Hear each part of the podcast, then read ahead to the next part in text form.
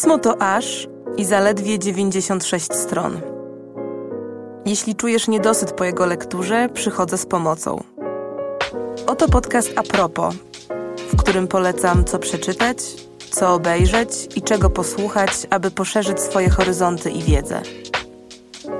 Zapraszam, Zuzanna Kowalczyk.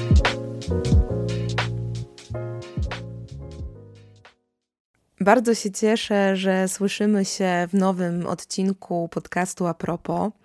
Tym razem w odcinku przygotowanym we współpracy z Centrum Sztuki Włączającej. To jest taka pierwsza społeczna instytucja kultury w tej części Europy, która w całości dedykowana jest twórczości artystek i artystów z niepełnosprawnościami, a którą do życia powołała Fundacja Teatr 21. I jest to naprawdę niebywale ciekawy i też nie mam wątpliwości, że ogromnie potrzebny projekt, który stara się stworzyć profesjonalne warunki do tworzenia sztuki dla osób o najróżniejszych możliwościach, które często napotykają bardzo rozmaite systemowe bariery, na przykład w dostępie do edukacji artystycznej czy w dostępie do niestety również publicznych instytucji kultury. I to w odpowiedzi właśnie na ogrom wykluczeń w środowisku artystycznym powstało i centrum, i zainaugurowany przez centrum nie tak dawno międzynarodowy projekt, który nazywa się Pokaż Język i którego główną ideą, no tutaj może zacytuję, jest rozwijanie nowego języka sztuk performatywnych i teatru oraz otwieranie drzwi twórczości różnorodnych artystów i artystek, wnoszących w swoje prace nowe języki i estetyki neuroróżnorodność, alternatywną motorykę, język migowy czy poetycką audiodeskrypcję. No, jest to niebywale ważna praca, z której istnienia się zresztą ogromnie cieszę i mam nadzieję dołożyć choć taką maleńką cygiełkę do tej bardzo potrzebnej i istotnej układanki. Proponując Wam dziś w tym odcinku rozmaite polecenia kulturalne, właśnie a propos inkluzywności. Inkluzywności, czyli takiej postawy, czy też takiego zestawu działań, które mają być włączające i przede wszystkim dostępne dla wszystkich. Więc mówiąc na przykład o języku inkluzywnym, mówimy o języku, który nie wyklucza żadnej grupy społecznej, kiedy mówimy na przykład o inkluzywnej kulturze pracy, to mówimy o budowaniu takich warunków dla zatrudnienia, w których każdy i każda ma równe szanse i możliwości w miejscu pracy. A mówiąc na przykład y, bardziej naukowo o tak zwanej inkluzji społecznej, mówimy o procesie, który stwarza wszystkim osobom a zwłaszcza osobom zagrożonym jakąś formą wykluczenia społecznego, możliwości uzyskania szans i takich zasobów niezbędnych do pełnego uczestnictwa w życiu ekonomicznym, społecznym i kulturalnym. I to w taki sposób, aby ich poziom życia był traktowany jako standard w danym społeczeństwie to tak właściwie sparafrazowałam teraz definicję, którą ukuła Barbara Szatur-Jaworska w swojej książce Diagnozowanie w polityce społecznej, więc nie, nie przypisuję sobie tej zręcznej definicji, która rzeczywiście dość dobrze oddaje różnorodność praktyk i obszarów, w których ta inkluzywność jest istotna i działa. No i właśnie, tyle w teorii, a o wiele więcej tak naprawdę w praktyce, bo praca nad tym, aby wszystkie obszary życia społecznego stały się rzeczywiście otwarte i dostępne dla każdego członka tego społeczeństwa, wcale nie jest niestety oczywista i łatwa choć y, szczęśliwie coraz bardziej obecna i takim super ciekawym i nietypowym przykładem miejsca, które z jednej strony świetnie w tym temacie inkluzywności edukuje, ale z drugiej też samo w sobie daje tej inkluzywności świetny przykład jest niewidzialna wystawa. To jest wystawa, która w jakimś mikrym, ale jednak jakimś stopniu pozwala doświadczyć tego, w jaki sposób odbiera się świat i nawiguje się w tym świecie, gdy jest się osobą niewidzącą, ponieważ ta wystawa jest taką wyprawą przez różne miejsca, które znamy z codzienności, w całkowitej ciemności. I oczywiście dla osób widzących z tej perspektywy te miejsca i te przestrzenie już przestają być takie codzienne, powszechne i znajome. I właśnie o to chodzi, bo chodzi o to, aby no właśnie, nie widz widzka, ale powiedzmy uczestnik, uczestniczka tego wydarzenia, tego doświadczenia, miał szansę, czy też miała szansę próbować się poruszać w różnych okolicznościach bez użycia zmysłu wzroku. I to, co w tym projekcie wydaje mi się jeszcze dodatkowo szczególnie cenne, to to, że po wystawie tej oprowadzają osoby niewidome i niedowidzące.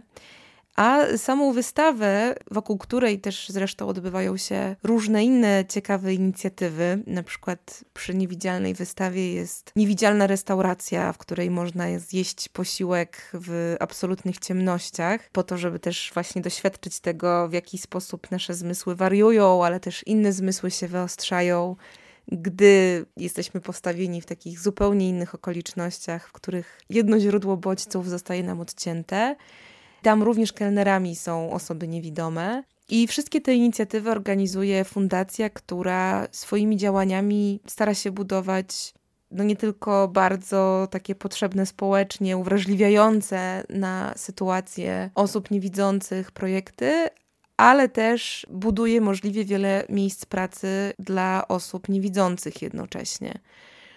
Ogromnie Wam to doświadczenie polecam. Nie tylko dlatego, że jest ciekawe poznawczo, ale właśnie przede wszystkim dlatego, że naprawdę dobrze uwrażliwia na to, jak różna może być percepcja a dzięki temu myślę, że też lepiej pozwala wczuć się w sytuację osób niewidomych i dzięki temu też lepiej ich wspierać w takim codziennym życiu, o ile oczywiście takiego wsparcia potrzebują. I w tym kontekście polecam Wam również mocno książkę Nie przywitam się z Państwem na ulicy. To jest książka Mary Rayman w której autorka opowiada historię a raczej właściwie oddaje głos kobietom urodzonym zespołem Turnera, czyli taką dość szczególną kondycją genetyczną, czy też takim genetycznym zespołem wad, które wywołują bardzo różne zmiany w budowie i funkcjonowaniu organizmu.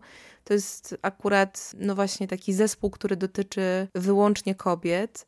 I też, co ciekawe, te objawy mogą się między sobą bardzo różnić. I też stąd wydaje mi się, że to jest ciekawy temat, aby poprzez niego pokazać bardzo różnorodny zbiór wykluczeń i fizycznych ograniczeń, poprzez które można nieco inaczej spojrzeć w ogóle na kondycję człowieka, który doświadcza jakiegoś rodzaju niepełnosprawności taką dodatkową legitymacją autorki do podjęcia tego tematu jest też fakt, że sama Rayman zmaga się z zanikiem nerwu wzrokowego. Więc wplata do tej opowieści też swoją historię i swoje doświadczenie, ale wszystko to obejmuje taką szerszą ramą, wypowiadając się również z pozycji antropolożki, którą jest zawodu. I te wszystkie uwarunkowania składają się na naprawdę znakomitą książkę, wbrew pozorom nie pozbawioną humoru, pełną takiej przenikliwej i w gruncie rzeczy bardzo uniwersalnej refleksji nad tym, w jaki sposób odnosimy się społecznie do siebie nawzajem, czyli też w jaki sposób wytwarzamy społecznie bardzo różne formy wykluczenia, które niekoniecznie łączą się z tą warstwą ograniczeń czysto fizycznych. To znaczy, że my pewnymi społecznymi mechanizmami tym osobom wykluczonym na innych poziomach jeszcze tych wykluczeń dokładamy. I myślę, że w tym temacie szeroko rozumianej inkluzywności ta książka Rayman jest lekturą szczególną i bardzo dobrą na start, więc bardzo mocno Wam ją polecam. Podobnie jak polecam Wam książkę, która w momencie, w którym to nagrywam, została właśnie nagrodzona nagrodą imienia Ryszarda Kapuścińskiego. Książka ta nosi tytuł Głusza i jest to reportaż autorstwa Anny Goc, w którym autorka oddała z kolei głos osobom niesłyszącym, to znaczy ich historiom, ich doświadczeniom. I z tego wielogłosu niestety przede wszystkim przebija taka w jakimś sensie przerażająca opowieść o bardzo instytucjonalnym wykluczeniu, które w Polsce sięga i daleko, i głęboko. Odrobinę się to ostatnimi czasy zmienia, to znaczy coraz częściej mamy na przykład wydarzenia i różne spotkania tłumaczone na polski język migowy w czasie rzeczywistym. No ale umówmy się, że wciąż to nie jest normą i wciąż nie jest to problem, o którym dostatecznie dużo nomen omen słyszymy, bo osoby niesłyszące to również nierzadko osoby nieposługujące się językiem polskim. Niekiedy są to osoby nieme, niekiedy są to osoby, które nie potrafią płynnie czytać po polsku. I w ich przypadku polski język migowy jest tym językiem jedynym, w którym są w stanie się skomunikować, a jest to język o bardzo ograniczonej liczbie użytkowników w Polsce i wciąż na tym poziomie instytucjonalnym językiem bardzo często nieobecnym. Więc ta skala wykluczenia, jak możecie się domyślać, jest naprawdę porażająca taka unieruchamiająca na wielu poziomach, takich bardzo prostych, wydawałoby się z perspektywy osoby pełnosprawnej, aktywności dnia codziennego. I to, co w książce Goc jest szczególnie ważne, to właśnie to, że o tej perspektywie opowiadają osoby, których ona bezpośrednio dotyczy, których ona po prostu jest. I to wbrew pozorom również nie jest norma, i również jest to ważny krok ku inkluzywności, w której to nie większościowa grupa społeczna tłumaczy sobie i opowiada bolączki jakiejś mniejszości, ale właśnie otwiera się na to, aby te mniejszości mogły same za siebie mówić, same definiować swoje potrzeby i być w tej debacie publicznej i widoczne, i w pełni obecne. I z tej perspektywy polecam Wam też książkę Jenary Nerenberg Neuroróżnorodne Jak żyć w świecie skrojonym nie na naszą miarę. To jest książka, która, no jak wskazuje tytuł, opowiada o tym, czym jest neuroróżnorodność i w jaki sposób jest ona na bardzo wielu różnych poziomach marginalizowana, w jakiś sposób wykluczana społecznie. I robi to z perspektywy neuroodmiennych kobiet. I Nerenberg wybiera ten temat kobiet dość świadomie. Po pierwsze, dlatego, że włącza do tej opowieści własną perspektywę, jako osoby, u której zdiagnozowano najpierw zaburzenia lękowe, a znacznie później również ADHD i autyzm. A z drugiej strony oddaje głos kobietom właśnie dlatego, że w badaniach nad tak zwaną neuroatypowością przez dekady koncentrowano się wyłącznie na chłopcach. I w związku z tym dziewczynki przeważnie do dziś dnia diagnozuje się dużo później, bo niemal wszystkie badania, które są w tym temacie neuroróżnorodności dostępne, są jednak badaniami robionymi na próbie męskiej. W związku z czym te kobiece objawy są dużo mniej rozpoznane i dużo trudniejsze do wychwycenia na tych wczesnych etapach. To oczywiście przekłada się na jeszcze głębsze poczucie jakiejś takiej nieprzystawalności i stygmatyzującej inności. Jeśli kogoś zresztą ten wątek pomijania kobiet, czy to w badaniach, czy w ogóle jakby w układaniu i projektowaniu świata ciekawi, to polecam na marginesie również Niewidzialne kobiety Credo Perez i jeszcze książkę Angeli Saini Gorsze, jak nauka pomyliła się co do kobiet.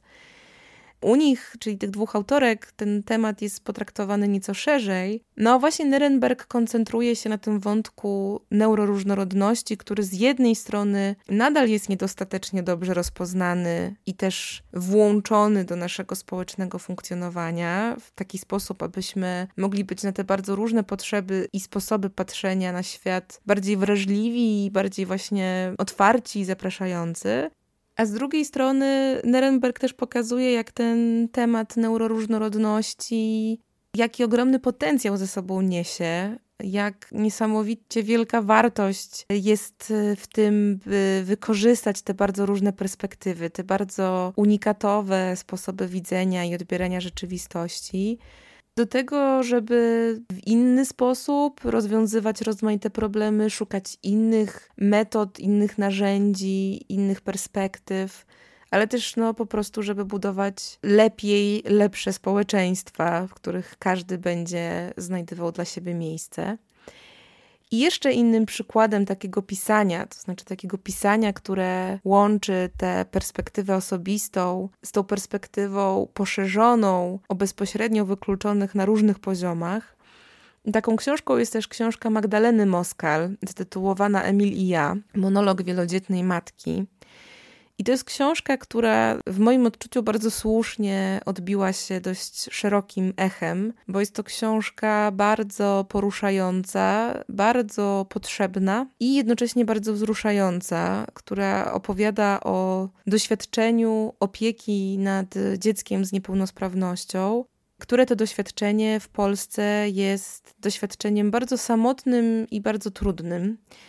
Ta opowieść odbija się zresztą od takich dwóch biegunów, to znaczy z jednej strony jest taka niezwykle czuła i wrażliwa relacja matki z jej dzieckiem, a z drugiej strony mamy niezwykle nieczuły i niewrażliwy na potrzeby swoich obywateli z niepełnosprawnościami i ich opiekunów system który dodatkowo ustanawia też pewne ramy w ogóle ogólnego funkcjonowania w danym społeczeństwie, bo wykluczenia nie idą wyłącznie ze strony instytucji publicznych, ale raczej te instytucje publiczne narzucają pewien dyskurs, pewien sposób funkcjonowania, w którym wszyscy tkwimy, i to przekłada się na przykład na to, w jaki sposób na osoby z niepełnosprawnościami reagują po prostu spotykani ludzie, z którymi ma się bardzo różnego typu interakcje społeczne. Bardzo mocno Wam polecam tę książkę i też bardzo mocno polecam Wam tekst Magdaleny Moskal, który opublikowała u nas w piśmie. Ten tekst nosi tytuł Godnie o osobach z niepełnosprawnością i opowiada o jednym właściwie z elementów inkluzywności, czyli o inkluzywnym języku właśnie względem osób z niepełnosprawnością. Jeśli chcecie ten tekst przeczytać, to bez zmian polecam Wam zniżkowy dostęp do pisma z kodem apropos. I mam nadzieję, że zgodzicie się ze mną, że naprawdę warto, bo temat inkluzywnego, czyli włączającego języka, trochę już nam się mam taką przynajmniej nadzieję, osłuchał w kontekście feminatywów, rodzajników, pytania o tak zwane końcówki. Oczywiście nadal dla niektórych niestety jest to temat jakoś kontrowersyjny, ale ten wątek jest jakoś rzeczywiście obecny w debacie publicznej. Ale okazuje się, że te problemy z inkluzywnością języka sięgają dużo głębiej i dużo szerzej. I tak na przykład w potocznym języku na bardzo wiele sposobów podtrzymujemy często taki bardzo krzywdzący i stereotypizujący obraz osób z niepełnosprawnościami. I bardzo często myślę, że robimy to też nieświadomie bo różnego typu zwroty po prostu w jakiejś formie zapisały się już w naszym sposobie mówienia, sposobie komunikowania się i nierzadko zapominamy, jak bardzo ten język ustanawia i determinuje bardzo określony porządek i obraz świata i te pozornie niewinne sformułowania, hasła, przymiotniki, no ostatecznie okazują się całkiem istotne i całkiem kluczowe. I że to właśnie poprzez dobieranie tych sformułowań i dobieranie tego języka można ten obraz świata zmieniać i w stronę świata bardziej wykluczającego, ale też w stronę bardziej przystępnego świata, do takiego świata, który jest dostępny dla każdego tego świata mieszkańca. I bardzo fajnie ten wątek tłumaczy w swoim TikToku Cecylia Jakubczak, która znana jest ze swojej aktywności w kampanii przeciwko homofobii. A jej TikTok nosi tytuł Siła słów, czyli dlaczego język inkluzywny ci się opłaca i opowiada w nim o tym, dlaczego język inkluzywny jest tak istotny, choć właśnie się może wydawać taką rzeczą błahą, zdaniem niektórych wręcz upierdliwą. A jest rzeczą szalenie istotną i wcale nie niewinną. Język inkluzywny to nic innego jak język, który, no właśnie, nikogo nie wyklucza, każdego respektuje i który każdego dostrzega lub uwzględnia. I takie ustawienie perspektywy jest nie tylko istotne z punktu widzenia, dla mnie przynajmniej, takich kwestii czysto etycznych, z punktu widzenia po prostu równego traktowania ludzi, ale jest też podejściem czysto pragmatycznym, który pozwala po prostu budować lepsze, bezpieczniejsze, lepiej zarządzające sobą, lepiej wykorzystujące własny potencjał społeczeństwa. Też bardzo ciekawy w tym kontekście jest odcinek podcastu na przekład. To jest podcast Stowarzyszenia Tłumaczy Literatury. I w jednym odcinku, to jest odcinek, który nosi tytuł O języku inkluzywnym w przekładzie, odcinek 110. Jest to zapis spotkania, które odbyło się w Instytucie Kultury Miejskiej w Gdańsku i w którym wzięły udział Joanna Bernat, Zofia Szachnowska-Olesiejuk i Agazano i które to gościnie poruszyły dla mnie super ciekawy wątek, czyli temat włączania poprzez język nie tylko na poziomie pisania, ale też właśnie na poziomie tworzenia tłumaczeń. Zresztą w tym miejscu polecam też Wam inny odcinek a propos, czyli odcinek a propos przekładu, którym ten wątek podejmuje trochę szerzej ale w dużym skrócie przekład jest również bardzo istotnym narzędziem inkluzywności. Myślę, że w ogóle takim trochę niedocenianym w tym zakresie. No a jednak jest to w ogóle narzędzie samo w sobie, polegające na tym, żeby udostępniać coś komuś, no bo w przekładzie chodzi właśnie o to, aby daną treść udostępnić użytkownikom i użytkowniczkom innego języka i to jeszcze udostępnić w sposób w jakimś zakresie powiedziałabym odpowiedzialny, bo nie jest istotne tylko to, co tłumaczymy, ale też jak tłumaczymy, jaki język, jak wrażliwy język w tym przekładzie stosujemy i na ile świadomie staramy się go wpisać w szerszy kontekst. I to zresztą otwiera taki bardzo ciekawy wątek w odniesieniu do tematu inkluzywności, ponieważ jedną z bardziej burzliwych dyskusji wokół tego tematu wywołują między innymi nowe przekłady, ale przede wszystkim nowe wersje, głównie książek dla dzieci, w których to po czasie wykreśla się coraz częściej takie sformułowania, które dziś już trafniej potrafimy rozpoznać jako wykluczające czy dyskryminujące. No i dyskusja ta oczywiście budzi dużo emocji, bo bądź co bądź dotyka takich kwestii jak ingerowanie w tekst bez konsultacji z jego autorem czy autorką, którzy w znakomitej większości już nie żyją ale z drugiej strony jest to też dyskusja o tym, czy zwłaszcza w przypadku książek dla dzieci, które umówmy się, nie są w stanie jeszcze często podejmować samodzielnie krytycznej lektury, czy też traktować świat przedstawiony w książkach z takim zdrowym dystansem, czy w tym przypadku takie zabiegi są aby uprawnione, skoro te narracje wprowadzają dzieci w świat, a więc budują tym najmłodszym człowiekom obraz świata i zasób języka, jakim ten świat będą później opisywać? I tu oczywiście wypływają znowu dwa wątki, to znaczy jeden, który opiera się na tym, że coraz częściej zwraca się uwagę w ogóle na inkluzywność w kulturze, choćby od takiej strony, aby na przykład bohaterowie bajek, filmów czy książek byli możliwie różnorodni, aby przedstawiali różne grupy społeczne, różne sposoby bycia w świecie, oglądania tego świata, właśnie po to, aby każda osoba oglądająca czy też obcująca z danym tekstem kultury mogła, zwłaszcza w tym dziecięcym wieku, ale też w ogóle mogła poczuć się częścią tego świata, również na poziomie tego, jaki obraz świata buduje kultura No bo skutki poczucia, że obraz świata, który konstruuje cała kultura wokół mnie, mnie nie obejmuje, już dziś wiemy, że są absolutnie dewastujące.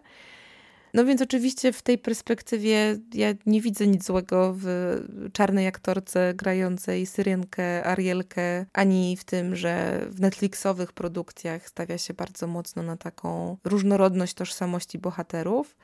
Uważam, że jest to w ogóle potrzebna lekcja z inkluzywności, którą nadal odrabiamy i bardzo sobie życzę, żeby ta lekcja już nie była aktualna i potrzebna. Ale rzeczywiście nieco bardziej skomplikowany problem dotyczy tego, czy te teksty kultury, które już powstały, można w jakiś sposób przepisywać i zmieniać.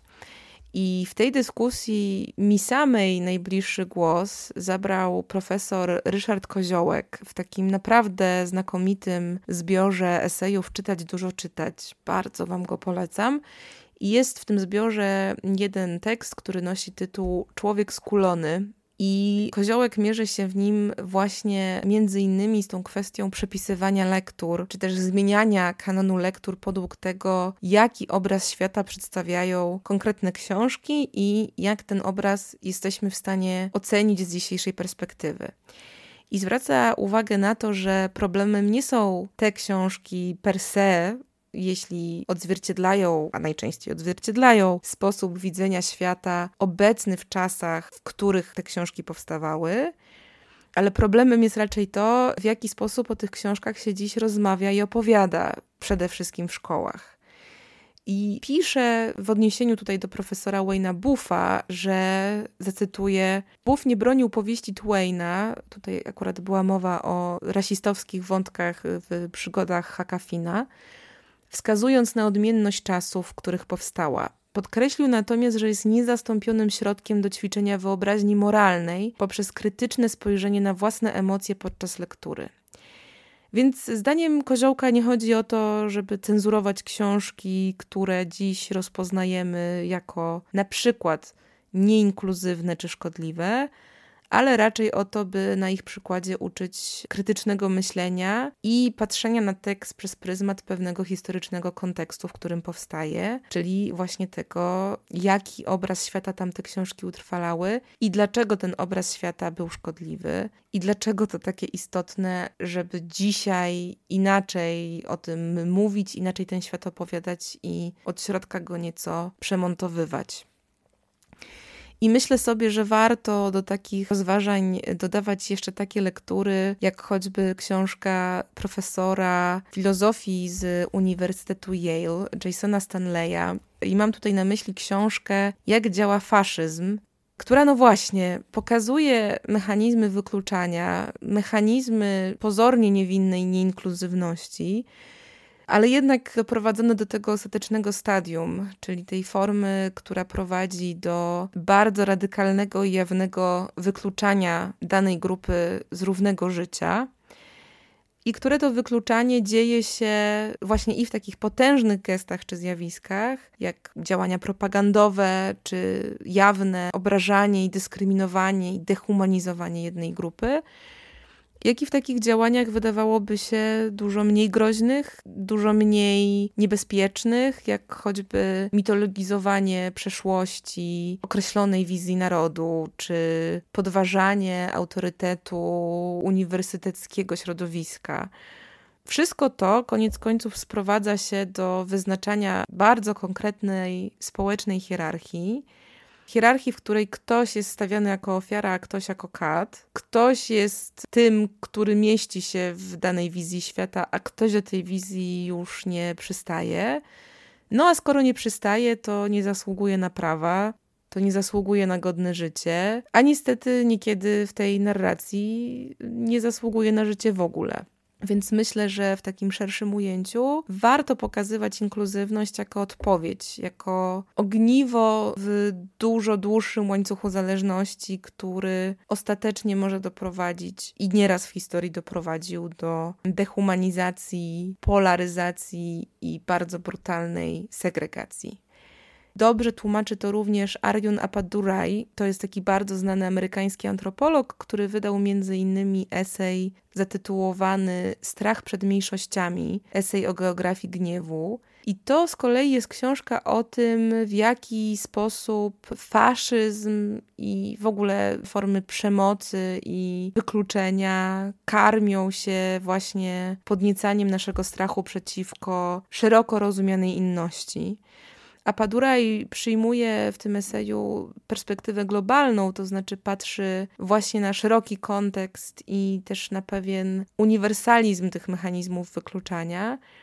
I dzięki tej perspektywie bardzo trafnie pokazuje, w jaki sposób te drobne zabiegi na języku, przystępności czy otwartości na różne grupy społeczne buduje ich obraz jako grup obcych, a skoro obcych, to bardzo często też niebezpiecznych zagrażających jakoś status quo. I myślę, że mówiąc o tym, dlaczego inkluzywność jest istotna i do jakich niebezpieczeństw może doprowadzić, to warto o tych lekcjach z tego typu lektur pamiętać. I tak myśląc o tym, jak bzdurna i jednostronna to jest perspektywa, to znaczy pomijająca zupełnie to, jak dużo dobra bierze się z inkluzywności, z otwartości społecznej, z uwzględniania w obrazie świata i jego funkcjonowaniu różnych perspektyw, to jakoś tak też chciałam zakończyć trochę pozytywniej i na koniec chciałam Wam polecić jeszcze coś, co mocno wiąże się ze wspomnianą już książką Nerenberg, ale myślę, że fajnie tę książkę dopowiada i z nią rezonuje. A mam na myśli TED Talk profesorki i działaczki na rzecz autyzmu Temple Grandin, która opowiada w swoim wystąpieniu zatytułowanym Światu potrzeba umysłów różnego rodzaju o tym, jakie korzyści właśnie płyną z tego, gdy uwzględnia się i oddaje głos tym, którzy w neuroatypowy sposób postrzegają rzeczywistość. I jest to super ciekawe ujęcie tego, jak na świat patrzą osoby w spektrum autyzmu, jak różnie mogą na ten świat patrzeć, ale też jak rewolucyjne i ciekawe sposoby myślenia i patrzenia na rzeczy mogą wnieść, jeśli docenimy właśnie tę neuroróżnorodność.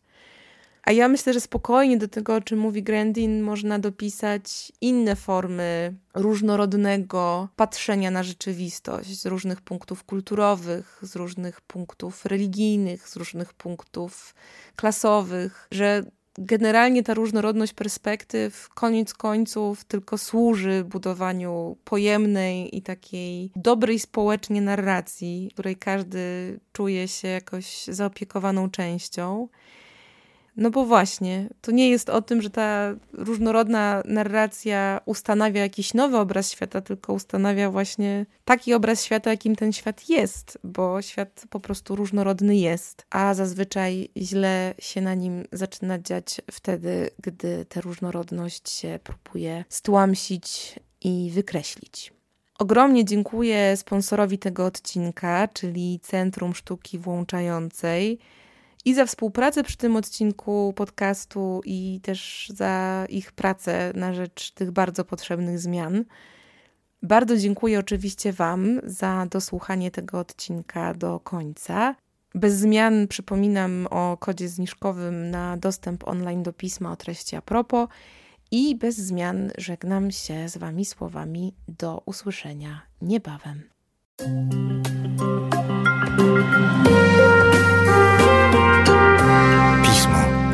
Magazyn opinii.